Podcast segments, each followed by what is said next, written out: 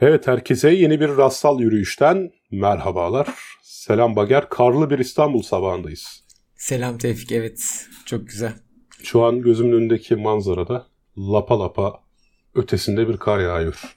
Tabii sen merkez dışında olduğun için biraz öyle. Şehir merkezi tam öyle olmuyor. Yani lapa lapa kar yağıyor ama kar çok hızlı e, eriyor burada. Şehri evet. merkezini ısıtıyoruz yani ya da üzerinden geçiyoruz. Aynen o kadar bina doğalgaz yakarak ısı üretince tabii durum farklı oluyor. Neyse kelimelerimizi seçmeden başladık. İlginç oldu. Evet, evet bugün bu e, QNB Scratch Cup'la ilgili olan ikinci programımızı yapıyoruz. Birini yarışmadan önce yapmıştık. Şimdi yarışmadan sonra yaparak hem biraz izlenim aktarma hem de yeni kelimelerimiz üzerinde konuşma şansı bulacağız. Yeni kelimelerimiz belli. Algoritma hı hı. ve toplum. Bu arada ben tabii projeden hemen kısaca yeniden bahsedeyim. Aslında bunu QNB Finans Bank ve Habitat Derneği e, yıllardır yapıyor. Zaten biz de her yıl destek oluyoruz. Ben bu sene bir de jüri üyesiydim.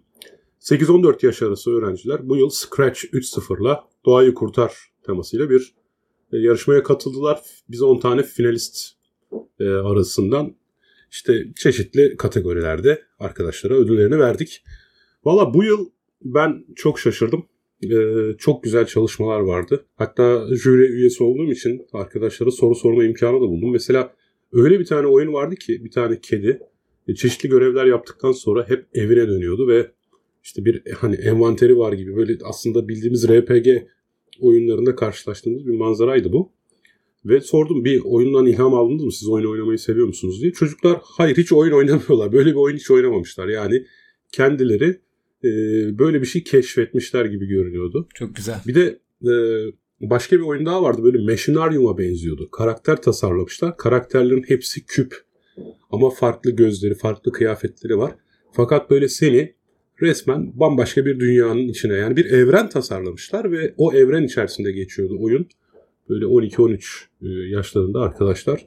Vallahi muhteşemdi ya. Keşke keşke benim yaşımda da böyle yarışmalar olsaydı da katılsaydım dedirtiyor insana. Yani çok da güzel bir proje. Minik Eller Kod Yazıyor projesi. minikellerkodyazıyor.com'dan detaylara ulaşabilirsiniz. Toplamda 80 şehirde hı hı. 43 binden fazla çocuğa 345 bin saate yakın kodlama eğitimi verilmiş. Yani gelecek açısından şimdi bu arkadaşların öğrendikleri gerçekten umut verici. Evet. Evet. Kelimelerimize geçelim. Algoritma ve toplum. Algoritma her zaman bana çok büyülü bir kelime olarak gelmiştir Vager. Hmm. Yani şeyden mi geliyor işte El Harezmi'den mi geliyordu? Yani Cebir de öyle, hani algoritma da öyle. Evet, El Harezmi'den geliyor. Harezmi de sıfırın mucidi biliyorsun. Bu hı hı. algoritmayı El Harezmi ortaya koymuş.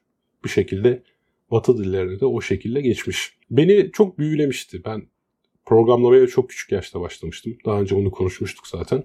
Hı hı. GW Basic'le. O zaman tabii kitabın da ilk bölümü hemen algoritmaydı ve gözümün önünde hala şu şema var. İşçinin maaşı ne? İşte şu kadar. İşçi sigortalı mı? Ev, evetse sağ tarafa bir ok çıkıyor. %14 prim ekle.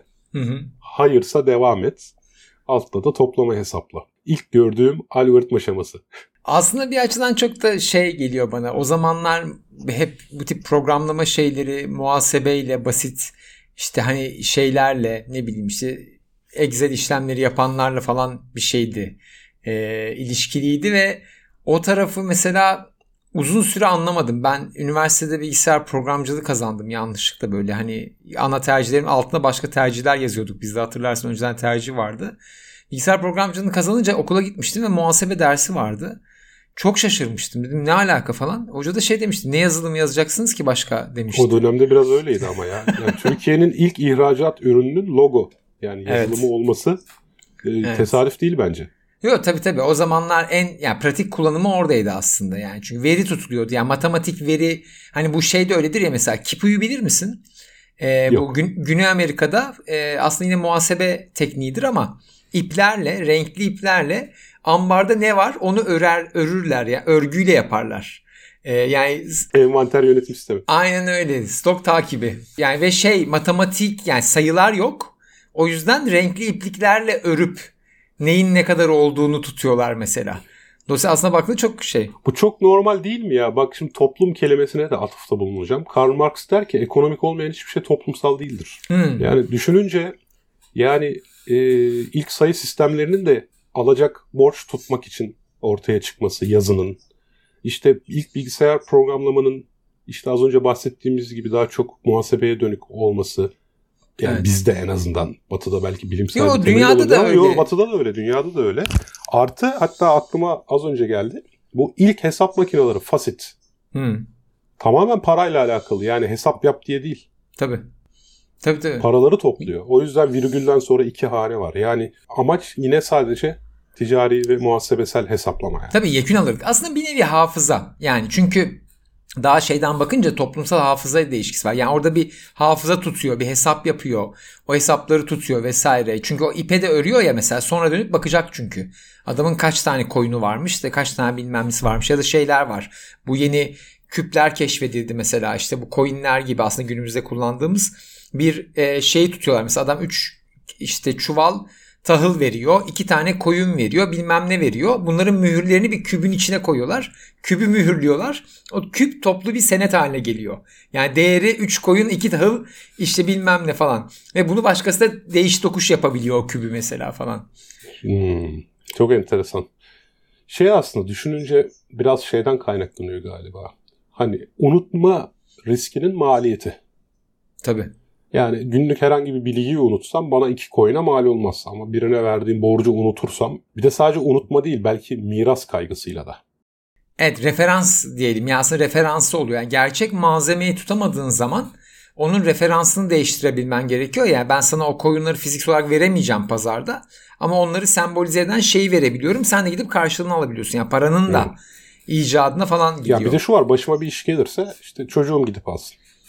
Evet aynen öyle. Yani hani Tabii. ben onun e, yazılı kaydını tutuyorum ve işte senet gibi, borç senedi gibi demek ki kavramlar da aslında bu şekilde ortaya çıkmış. Ve şimdi o zaman aslında bu da bir algoritma. Çünkü bu bir kural, bir prosedür, Evet. bir işleyiş, bir sistemin işleyişi ve bu sistemin işleyişi toplumun tüm o üyelerince kabul ediliyor ve o sıradaki Hı hı. otorite artık devlet, padişahlık vesaire onun tarafından da dayatılıyor olması lazım. Yani ben o küple gidip alacağımı tahsil edemediğim zaman bir kadıya ya da bir mahkemeye başvuruyor olmam lazım ki orada da başka bir algoritma devreye girip eğer ki bu kübün içerisindeki borç ispatlanabilirse karşı taraf bunu tazmin etmek zorundadır gibi bir kurala ihtiyacımız var. Evet. Ya bir kurallar sistemi oluyor. Bu arada çok ilginç bir şey söyleyeyim. Şimdi kural sistemini tarih boyunca ilk uygulayan mekanizmalara baktığımızda e, falcılık, e, müzisyenlik ve aşçılık var.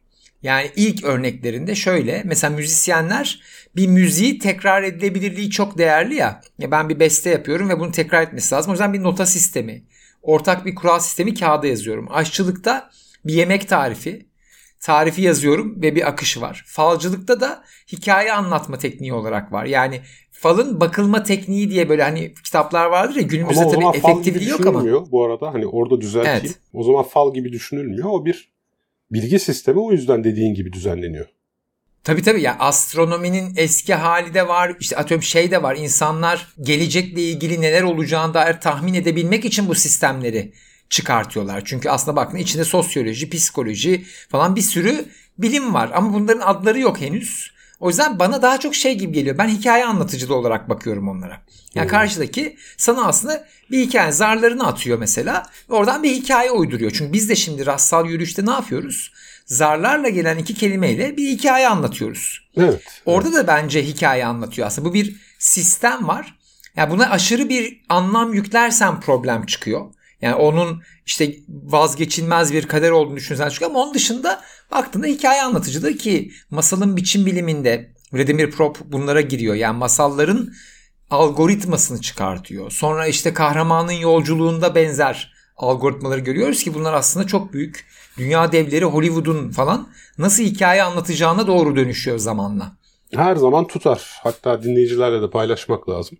Yeteneksiz veya sönük bir karakter bir güce ulaşır. He. İşte örümcek adam olsun bu yani. Neo Sonra falan hepsi Bu öyle. güçle kendini keşfetmeye başlar. Evet aynen Matrix'te olur bu.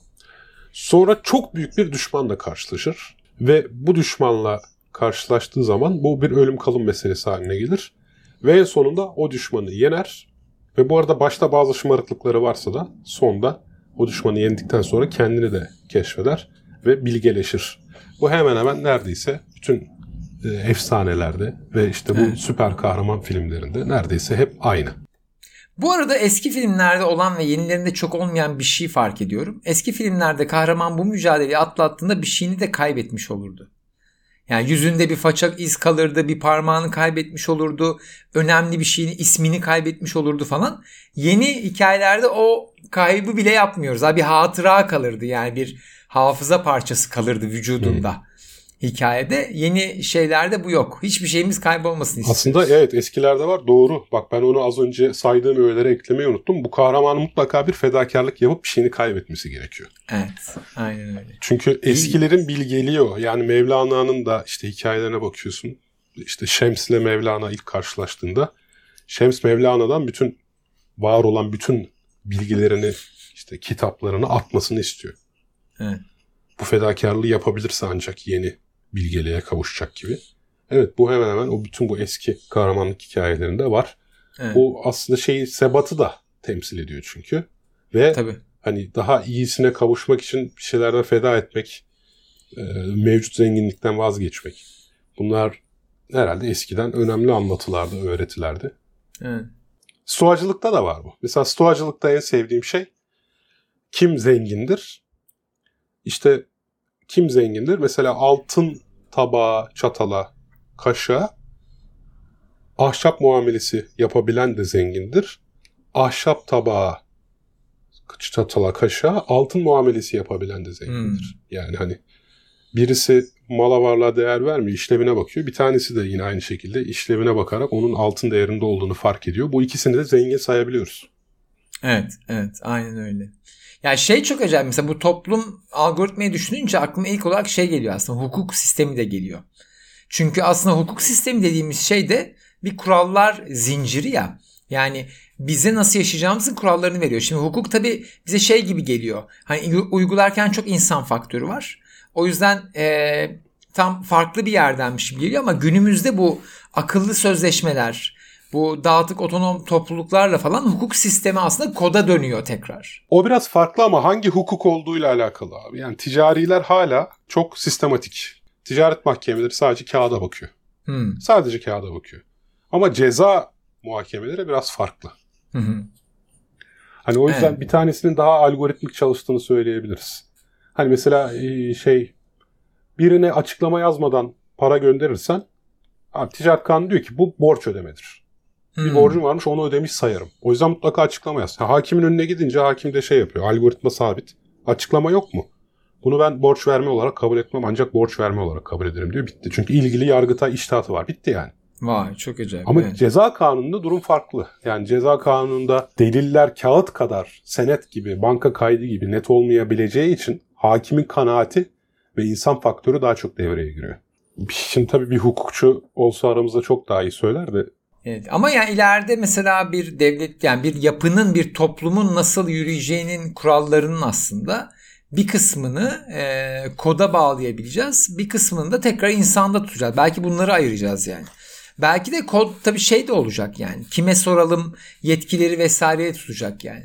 Ben mesela çok ilgileniyorum bu arada yani toplumla algoritmanın arasındaki ilişkiyi görmek. Çünkü şunu anlıyorum. Mesela bir kabile olsak 20 kişi olsak bir algoritmaya gerek yok belki. Orada sohbet ederek birbirimizi tanıyarak yapabiliriz ama yani milyonlarca kişinin olduğu bir yapıda bazı kuralların olması, algoritmaların işlemesi benim daha hoşuma gidiyor. Hatta bugün biri yazmıştı yani yapay zeka aslında bizi yönetsin ama bize hesap versin, şeffaf olsun. Biz işlerimizi yapalım dedi mesela. Bu yani yapay zekanın yönetmesi de şey değil. Yapay zeka sen şunu yap, sen bunu yap desin demiyor aslında. Bizlere sorsun bizlerden belirli karar verme mekanizmalarıyla belirli konulara kararlar aldırtsın diyor. Yani bazı kararları çoğunlukla yaparken bazılarını farklı yöntemlerle yapsın diye yazmışlar. Peki mesela. yönteme de yapay zeka mı karar verecek? İşte evet buralarda zaten gri alanlar başlıyor dediğin gibi işte. Bence ortaklaşa karar verip yapay zekayı bırakmamız ve istediğimiz anda geri alabiliyor olmamız daha mantıklı. Yani hesap karar verilebilir. Karar verdiysek yapay zekaya bırakacak ne kaldı ki ortaklaşa karar verip derken? Şöyle istatistiksel yöntemler var ya yani suçun istatistiksel hesabı yani formülü yapmak başka bir şey uygulaması başka bir şey. Uygulamayı yapay zeka yapabilir. Hmm. Ya o zaman yapay zeka karar vermiyor. Amele ya. Aynen öyle. Çünkü yöneticiliğin amele tarafını vermek gerekiyor aslında. Zaten orada bir öyle bir şey var ya mesela biz liderin çok garip şeyler bildiğini varsaymamız bir problem gibi geliyor bana.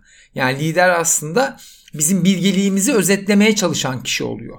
Yani toplumun tuttuğu bilgeliği özetlemeye ama çok büyük bir yük bu. Bunu birine veremezsin. Yani bunu bir sisteme verebilirsin gibi geliyor.